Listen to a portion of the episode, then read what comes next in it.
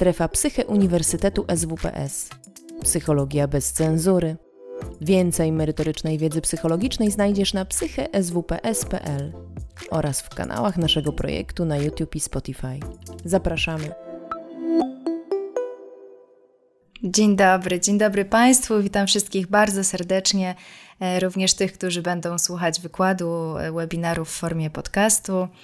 Dzisiejsze spotkanie e, poświęcone będzie właśnie zaburzeniu osobowości borderline i chciałabym zacząć od odpowiedzi na pytanie, dlaczego osoby z tym zaburzeniem właśnie doświadczają tak wielu trudności w relacjach z ludźmi. Otóż e, udane związki wymagają zdolności samoregulacji emocji, e, w taki odpowiedni sposób, kontrolowania impulsywnych zachowań e, i tolerowania bodźców, które wywołują ból do pewnego stopnia. Natomiast zaburzenie borderline to przede wszystkim dysfunkcja systemu regulacji emocji, czyli osoby te nie mają tych wymienionych umiejętności.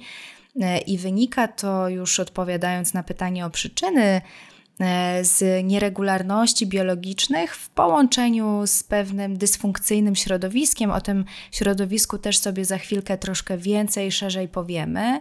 Temperament y, pacjentów z borderline charakteryzuje się taką intensywną i labilną e, emocjonalnością, co stanowi tą biologiczną predyspozycję właśnie do zaburzenia. Czyli gdybyśmy mieli zrobić sobie takie równanie, e, to u podłoża mamy emocjonalną podatność na zranienie, taką tą biologiczną dysfunkcję systemu regulacji emocji u dziecka. E, plus połączenie tej podatności z unieważniającym środowiskiem e, w dzieciństwie, które powoduje deficyt w regulacji emocji, no, równa się ta właśnie uogólniona, taka uogólniona dysregulacja emocji. E, I większość zachowań związanych z zaburzeniem borderline to są próby regulowania tego intensywnego afektu albo wynik właśnie dysregulacji emocjonalnej. E, wspomniane e, unieważniające środowisko mm, jest niesprzyjające w rozwoju dla wszystkich dzieci, ale szczególnie dla dzieci z tak zwanym wysoko reaktywnym typem układu nerwowego, czyli z taką tendencją do intensywnego reagowania na bodźce. Jest to ta właśnie wspomniana biologiczna podatność do rozwoju zaburzeń. E, unieważniające środowisko nie uczy dziecka prawidłowej regulacji pobudzenia i z czasem dziecko samo zaczyna unieważniać siebie samego. Jest to tak zwane samounieważnienie. E, i staje się też e, unieważniające wobec innych. I w dorosłym życiu takie osoby unieważniają własne doświadczenia emocjonalne poprzez bagatelizowanie, ignorowanie, wyśmiewanie, podważanie tego, co czują, jak myślą, co robią. Mogą też odczuwać takie intensywne poczucie wstydu i gniewu ukierunkowanego na, na samego siebie. E, I bardzo często jest też tak, że e, poszukują u, u, innych właśnie dokładnego takiego odzwierciedlenia rzeczywistości zewnętrznej i przeceniają łatwość rozwiązywania też problemów życiowych. I wspomniane właśnie zachowania prowadzą do e, stawiania sobie takich nierealistycznych celów, stosowania kar zamiast nagród i też do tej właśnie nie, wspomnianej nienawiści do samego siebie, e, kiedy nie uda im się osiągnąć e, tych celów. E, unieważniające otoczenie, mm, chciałabym troszkę więcej o tym powiedzieć, bo myślę, że to jest bardzo istotne w rozwoju tego zaburzenia. To jest też takie mm, otoczenie, w którym komunikowanie o własnych doświadczeniach spotyka się z takimi niekonsekwentnymi, niewłaściwymi i skrajnymi reakcjami. E, wyrażanie emocji nie jest uprawomocnione, zamiast tego jest często karane albo e, bagatelizowane, albo jedno i drugie.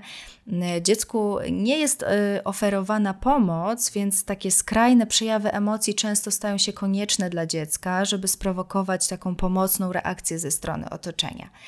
I załagodzenie y, takiej skrajnej sytuacji, takiej skrajnej, y, załagodzenie sytuacji po, po takiej skrajnej ekspresji emocji może stworzyć właśnie wzorzec zachowania borderline u osób dorosłych.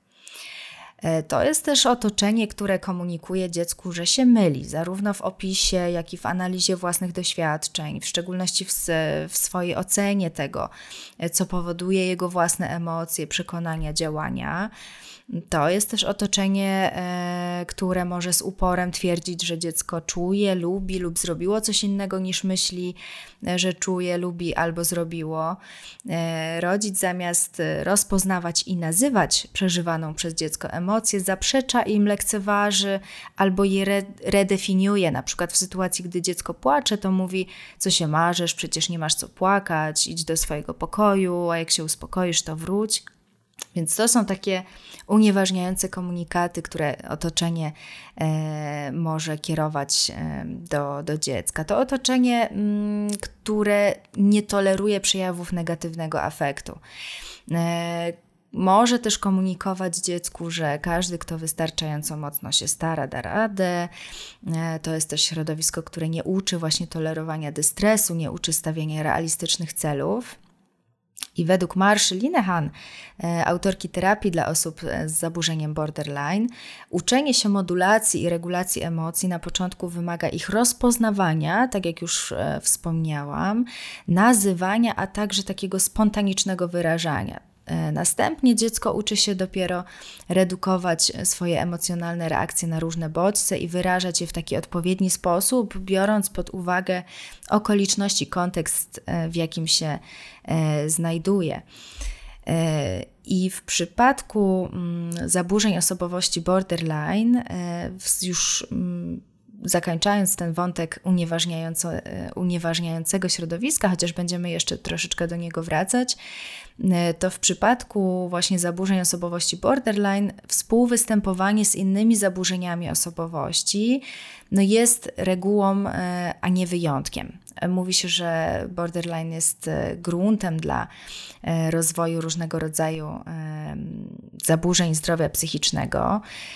To są pacjenci z wieloma różnymi rozpoznaniami. Bardzo często jest to depresja, zaburzenia lękowe, uzależnienie od leków, od alkoholu, narkotyków, czy zaburzenia odżywiania, też bardzo często występujące. Borderline, podobnie jak wszystkie inne zaburzenia osobowości, jest raczej kontinuum niż e, kategorią.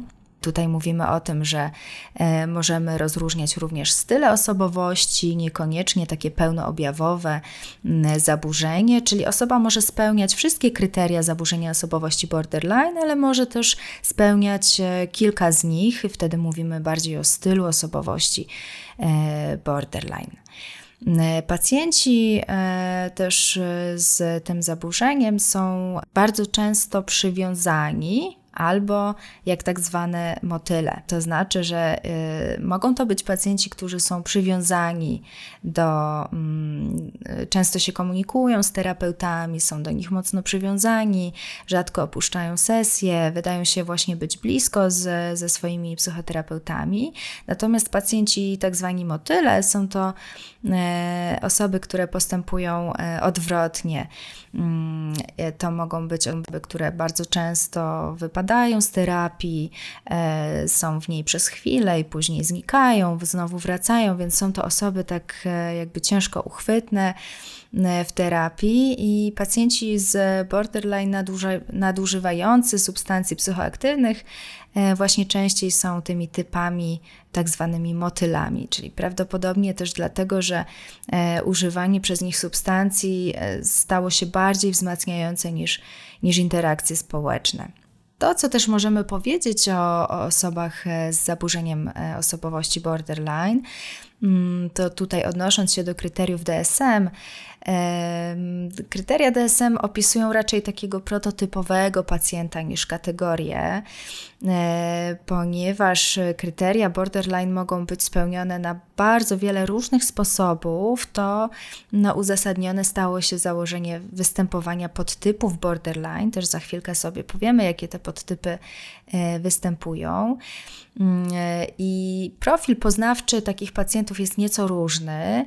E, dwie osoby z tym samym zaburzeniem mogą mieć e, ten sam schemat, na przykład schemat opuszczenia, który jest dość charakterystyczny dla, dla tego zaburzenia, ale mogą rozwinąć różne założenia albo strategie kompensacyjne. Czyli tutaj też musimy mieć takie uwrażliwienie na to, że pacjenci mm, z borderline to nie zawsze tacy e, prototypowi pacjenci mm, z tym zaburzeniem, to nie zawsze te prototypowe objawy, o których możemy czytać w internecie, czy w kryteriach właśnie DSM, czy ICD-10, ale to będą też e, przez różnice indywidualne, przez indywidualne cechy osobowości, przez różne zasoby, zdolności tych osób, też ekspresja objawów może być różna i, e, i możemy osoby mogą być po prostu, po prostu różne, przejawy tego zaburzenia mogą być różne. E, więc wyróżniamy podtypy borderline, takie jak osobowość borderline unikająca, zależna, osobowość borderline histrioniczna, narcystyczna i osobowość borderline antyspołeczna, paranoidalna. I tutaj, jeśli chodzi o, e, o, osobowość e, unikającą zależną, to są to osoby, które e, są bardzo niespokojne, mają z, z reguły niską samoocenę, przeważa tutaj schemat niekompetencji, jeśli mów, mówimy tutaj bardziej językiem terapii schematów. Bardzo często są to osoby, które uważają, że nie są w stanie stawić czoła wyzwaniom życia, dlatego unikają problemów, unikają wyzwań. E, w ten sposób ciężko jest im się rozwijać, wzmacniają schemat niekompetencji oraz takie poczucie braku nadziei i bezradności. I tutaj często u takich osób może współwystępować również e, depresja mm, i zaburzenia lękowe e, jakbyśmy mieli sformułować takie przekonanie tych osób, to mogłoby ono brzmieć: e, Nie potrafię o siebie zadbać, inni muszą za mnie podejmować decyzje. Nie potrafię żyć sama. Więc jest to dość e, podobne do zaburzenia, do zależnego e, zaburzenia osobowości. Są też bardzo wrażliwe na krytykę, mają wysokie wymagania wobec wobec związków z innymi ludźmi. E, boją się też, że jeśli się z kimś zwiążą, to stracą swoją tożsamość i autonomię mm, i w ten sposób mogą zakończyć swoje związki albo żeby no niejako przetrwać jako jednostki.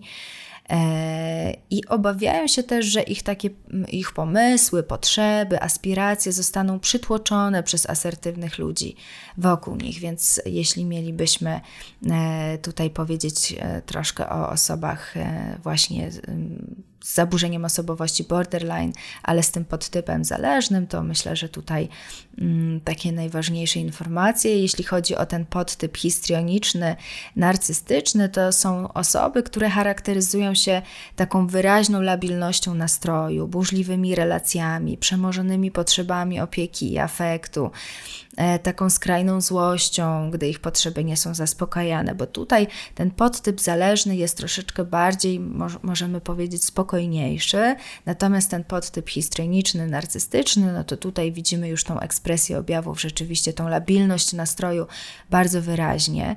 To są też osoby, które oscylują między takim idealizowaniem i szkalowaniem swoich terapeutów, czy swoich e, partnerów e, życiowych, czy, czy bliskich osób. Mm, e, uciekają się do takich ekshibicjonistycznych zachowań, albo żeby utrzymać e, blisko, e, utrzymać się blisko miłości i opieki. E, ich schematy opuszczenia i takim i schematy niebycia godnym miłości są bardzo wyraźne właśnie w tym podtypie. To są też osoby, które mają takie poważne trudności z rozumieniem granic w relacjach interpersonalnych.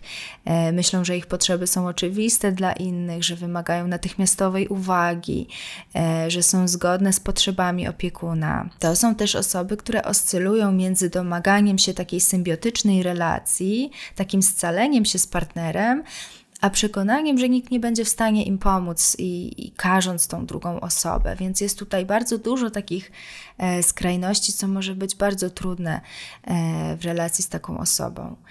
E, intensywnie też poszukują stymulacji, ekscytacji, nowości wokół siebie, ale nie, nie za, niezbyt dobrze znoszą e, zmiany.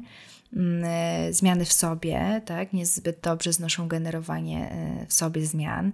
E, szukają też ciągłych takich zapewnień i aprobaty, żeby wesprzeć takie kruche poczucie własnej wartości.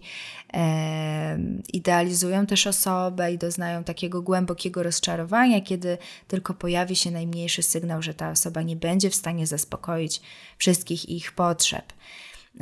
Więc Tutaj tak moglibyśmy e, oczywiście pokrótce scharakteryzować taką, e, ten podtyp. Natomiast jeśli chodzi o ten podtyp antyspołeczny, paranoidalny, to są to osoby, które wykazują taki wyraźny brak poważania dla formalnych i nieformalnych zasad e, regulujących zachowania społeczne. To są do, dość często, nie zawsze, ale często osoby, które trafiają, mają problemy z prawem, trafiają do zakładów karnych, łamią zasady dla własnej korzyści aby zdobyć pieniądze, władzę, stymulację cudzym kosztem. E, mają dosyć duże mniemanie o sobie, któremu towarzyszy taka postawa otwartego buntu. E, ich interesy są zawsze na pierwszym miejscu. To są też osoby, które wykazują wszechobecną taką nieufność wobec motywów innych osób, e, są wyczuleni na potencjalne zagrożenie ze strony innych, rzeczywiste albo wyimaginowane. E, dość silnie odczuwają zazdrość i gniew. E, mogą przybierać zazdrość i gniew, może przybierać taką skrajną postać. E, I łatwo u tych osób wywołać też gniew i, i zazdrość. Krytyka jest przyjmowana przez nich z taką wielką wrogością i, i z oburzeniem, i angażują się też w takie impulsywne, wrogie, destrukcyjne zachowania co takie osoby z antyspołecznym zaburzeniem osobowości e, lub, e, z paranoi- e, lub z zaburzeniem paranoidalnym e, również, natomiast nie, z nieco innych powodów.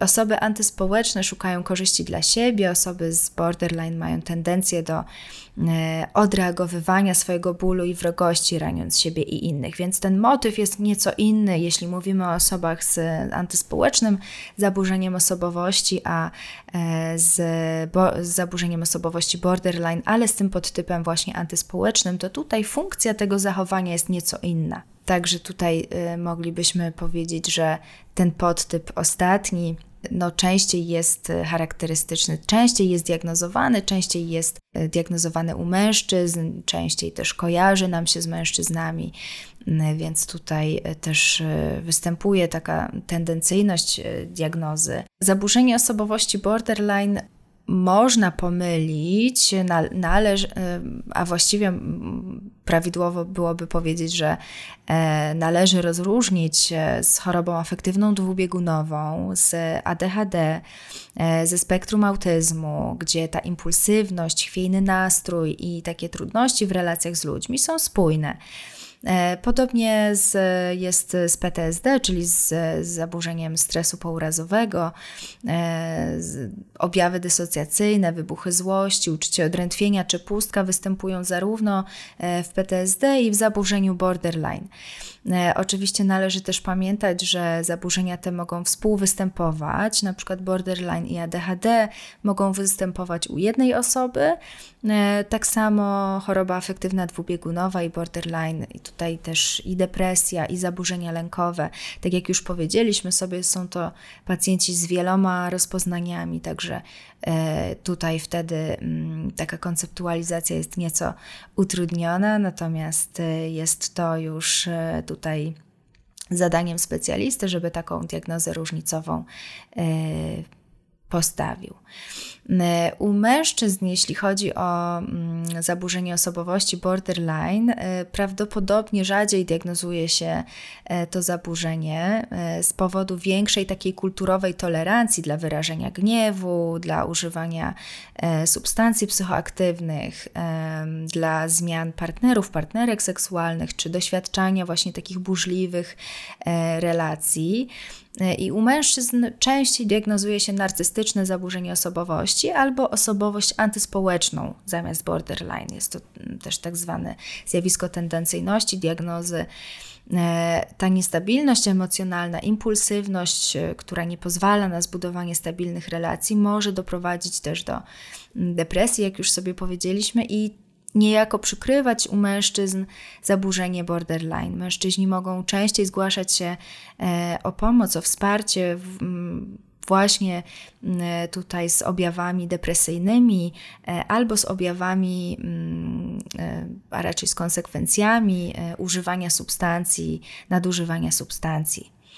E, na pewno uwagę specjalisty powinna zwrócić złożoność objawów, wielość objawów i to, że mm, taka klasyczna terapia poznawczo-behawioralna nie działa, albo problemy pacjenta mimo takiej chwilowej mm, poprawy wracają wciąż powracają, więc tutaj może to zwrócić uwagę, powinno to zwrócić uwagę specjalisty. E, jeśli chodzi o leczenie, to najskuteczniejsze w leczeniu zaburzenia e, borderline, takie udokumentowane nurty psychoterapeutyczne to DBT, czyli e, terapia dialektyczno-behawioralna i terapia schematu, które są do siebie bardzo podobne i przedstawicielką DBT jest Marszalina Han, zaś terapii schematu Jeffrey Young. E, tutaj bardzo istotna będzie relacja terapeutyczna, tak zwane powtórne, ograniczone rodzicielstwo. W przypadku jest w przypadku tych osób szczególnie ważne i taka klasyczna psychoterapia poznawczo-behawioralna może jest niewystarczająca. E, między innymi dlatego, że takie przestrzeganie protokołu, które w klasycznej terapii poznawczo-behawioralnej jest e, charakterystyczne, takie skupienie się na nauce pewnych umiejętności, e, na zmianie, na tym, żeby tam jest też bardzo dużo ćwiczeń takiej pracy własnej pomiędzy sesjami. Pacjenci z zaburzeniem osobowości borderline mogą odbierać jako unieważniające.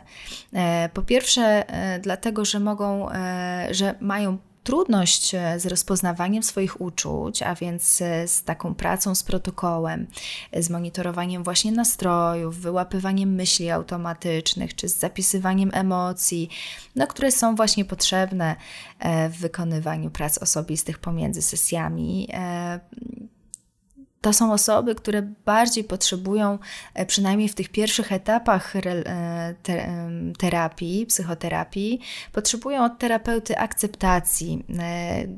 E, często nie chcą kolejny raz doświadczać takiego poczucia, że coś z nimi jest nie tak, że, że muszą, że powinni. Często też te ćwiczenia nastręczają im wielu trudności, też jakoś nasilają ten schemat niekompetencji, które mają. E, bo nie są w stanie wykonać e, takich ćwiczeń. Często jest im w ogóle trudno odpowiedzieć na pytanie, co czujesz, jak się dzisiaj czujesz. Jest to mm, czasem e, dla nich bardzo trudne też wyłapać pewne myśli automatyczne, dlatego może to ich bardzo mocno frustrować. I może być to też powodem tak zwanego wypadania z psychoterapii, tak? że oni rezygnują, orientują się, że no jednak ta zmiana jest niemożliwa w ich przypadku i tracą nadzieję. Dlatego mm, taka zasadnicza w terapii osób z zaburzeniem osobowości borderline jest równowaga pomiędzy właśnie uprawomocnieniem i akceptacją pacjenta właśnie takim, jaki jest przy takim jednoczesnym wspieraniu w zmianie. Czyli terapeuta musi tak oscylować pomiędzy taką pełną, radykalną wręcz e, akceptacją pacjenta, takim jakim on jest, jaki przychodzi na psychoterapię. Więc y, terapeuta oscyluje pomiędzy właśnie taką pełną akceptacją, której nie dostał właśnie pacjent z zaburzeniem osobowości borderline e, w okresie dorastania oraz takim motywowaniem go do zmiany, czyli jest to tak zwane kroczenie ścieżką środka, tak? czyli z jednej strony pełna radykalna akceptacja przeżyć pacjenta, z drugiej strony motywowanie do zmiany, nauka umiejętności, więc jest to takie, jest to e, właśnie bardzo e, taka terapia dialektyczna. E, a na czym polega uprawomocnienie? Polega na akceptacji doświadczeń bez takiej próby modyfikowania ich e, przez dodanie albo e, odjęcie czegokolwiek. To jest takie przyjęcie też postawy ciepłego słuchania e, i podtrzymywania bez dawania rad, bez krytycznych uwag, albo osądzających interpretacji. Nie chodzi też o to, żeby zgadzać się z tym, co, co czuje lub, lub jak reaguje druga osoba. Nie chodzi o, o wzmacnianie, chwalenie, rozwiązywanie czy, czy pocieszenie. Strategie uprawomocnienia polegają zasadniczo na takim utrzymywaniu postawy wolnej od osądu i na ciągłym badaniu zasadności reakcji innych osób.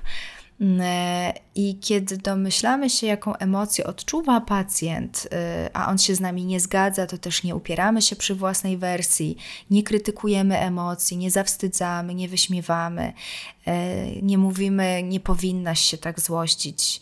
E, nie, nie skupiamy się też na e, irracjonalności czyjegoś przeżywania. Nie mówimy na przykład, no widzisz, gdybyś bardziej ufała ludziom, to, to wiedziałabyś, że czasami no, ktoś może nie odpisywać jakiś tam dłuższy czas, więc e, staramy się nie. Mm, tutaj takich uwag takim osobom z zaburzeniem osobowości borderline, e, szczególnie w terapii, e, nie fundować.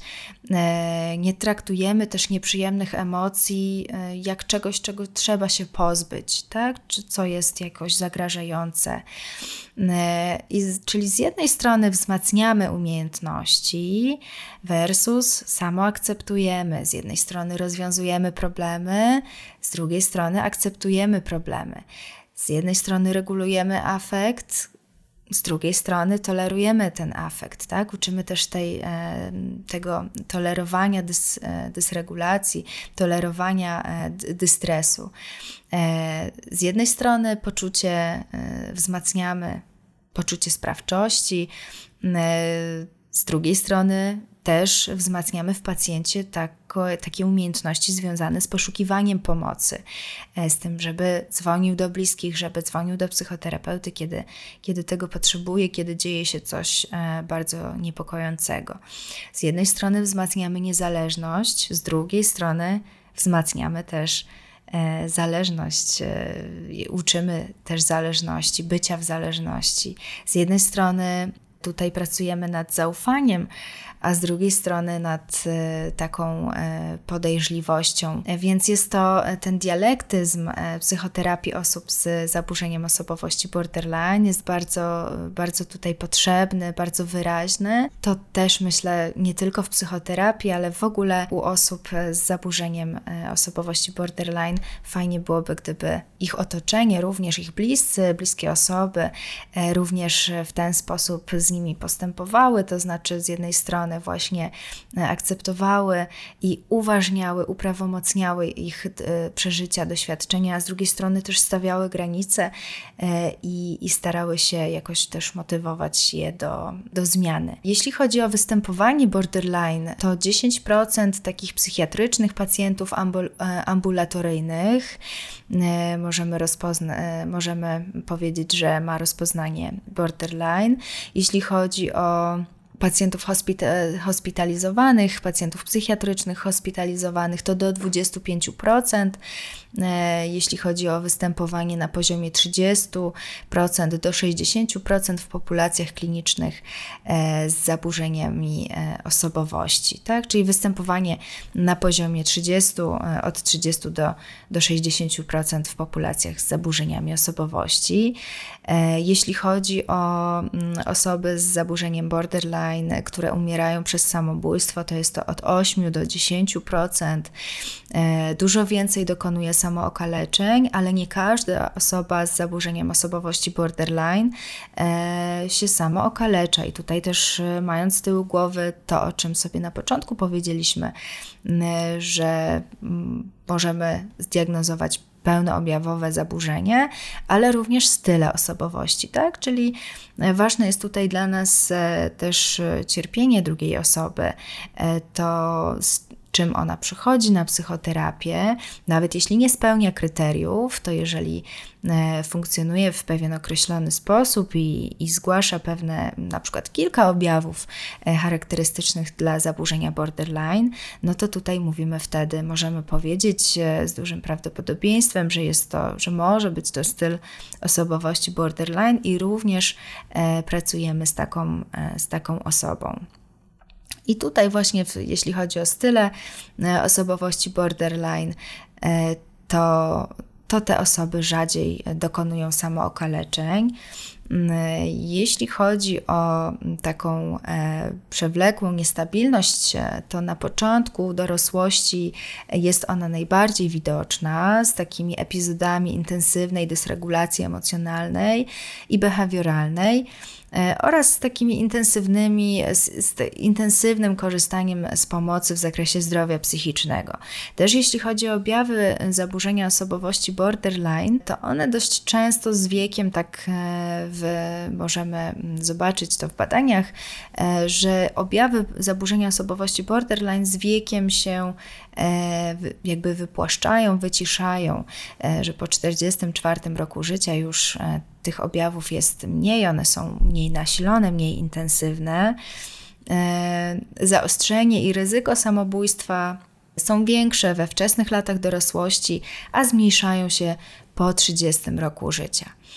E, osoby te też osiągają e, większą stabilność w swoich związkach i w pracy właśnie w czwartej, piątej dekadzie E, swojego życia.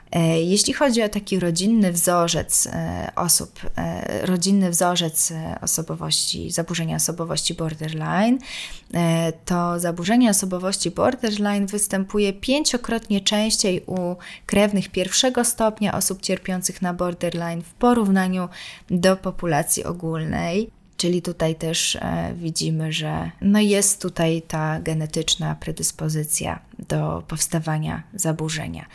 E, jeśli chodzi o taką e, perspektywę mm, dotyczącą leczenia, to bardzo długo utrzymywała się taka, mm, taka tendencja do myślenia, że są to bardzo trudni pacjenci, że są to pacjenci nieuleczalni, że terapia w ich przypadku nie działa. I rzeczywiście tak jest, że są to pacjenci bardzo wymagający, natomiast te rokowania już w tej chwili wiemy, znamy badania, że te rokowania są bardzo dobre. E, też e, zmiany e, u osób z zaburzeniem osobowości borderline są bardzo takie, można powiedzieć, spektakularne, dlatego że osoby z zaburzeniem osobowości borderline rzeczywiście w psychoterapii mogą dokonać tych zmian w wielu, wielu obszarach swojego życia, bo zmieniają się i związki, i relacje z ludźmi, ale też funkcjonowanie takie zawodowe, taki stosunek wobec siebie, wobec innych ludzi, bardzo dużo aspektów się poprawia, również samoocena, poczucie własnej wartości, więc to są, e, jest to bardzo wiele obszarów gdzie praca nad tą dysregulacją emocjonalną no, daje e, w wielu obszarach bardzo duże duże tutaj e, zmiany. E, i są to pacjenci, którzy rzeczywiście, e, jakby u których psychoterapia działa, szczególnie właśnie psychoterapia dialektyczno-behawioralna, której autorką jest właśnie wspomniana Marsha Linehan i pacjenci rzeczywiście po, mm, jakby przewiduje się, że jest to minimum rok takiej psychoterapii, spotkania odbywają się z psychoterapeutą z reguły raz w tygodniu, e, plus e, raz w tygodniu też odbywa się trening e, umiejętności interpersonalnych, więc są to jakby dwa spotkania w tygodniu przez minimum rok i pacjenci są, jakby jesteśmy w stanie jako specjaliści pomóc takim osobom na tyle, żeby nie spełniały już kryteriów po jakimś czasie, nie spełniały kryteriów zaburzenia osobowości borderline. I oczywiście ta biologiczna podatność skłonność do impulsywnego zachowania, mm, taka tendencja układu nerwowego do szybkiego wzbudzania się i wolnego uspokajania się, e, ona pozostanie, natomiast e, osoby już nie będą spełniały kryteriów e, zaburzenia osobowości i jest to istotna, istotna zmiana, więc tutaj rzeczywiście no, do tej pory bardzo często myślano o, o, osobach z zaburzeniem osobowości borderline jako takich właśnie bardzo ciężkich, nieuleczalnych e, przypadkach, natomiast dzisiaj już inaczej e, do, tego, do tego podchodzimy. Bardzo często są to osoby z wieloma zasobami, bardzo kreatywne, wrażliwe, inteligentne, więc są to też takie dodatkowe, e, dodatkowe zasoby w psychoterapii, e, na których e, psychoterapeuta może też jakby w cudzysłowie się oprzeć i, i też e, jakby wykorzystać tutaj, wzmacniając autonomię pacjenta, mm, też może e, ukierunkować go e, bardziej w tę stronę, żeby rozwijał te umiejętności. Jeśli chodzi o taką organizację kryteriów DSM-4, no to tutaj mówimy o takiej dysfunkcji ja, czyli o takim nie, nieadekwatnym poczuciu własnej wartości, o poczuciu pustki. E, jeśli chodzi o dysregulację zachowania, to mówimy o zachowaniach impulsywnych, samouszkadzających i lub samobójczych. Jeśli chodzi o dysregulację emocjonalną, e, to mówimy o labilności emocjonalnej, problemach z gniewem. Jeśli chodzi o dysregulację interpersonalną, no to tutaj e, mówimy o chaotycznych związkach, obawach przed opuszczeniem. E, I jeśli chodzi o dysregulację poznawczą, to jest to depersonalizacja, dysocjacja i urojenia. Ale tutaj pamiętając oczywiście, że naprawdę 10 osób z zaburzeniem osobowości borderline może być innymi osobami, zupełnie innymi osobami. Oczywiście część objawów będzie spójna, natomiast e, styl radzenia sobie tych osób może być inny, więc Dzięki temu również zachowanie, e, postrzeganie tych osób może być zupełnie inne.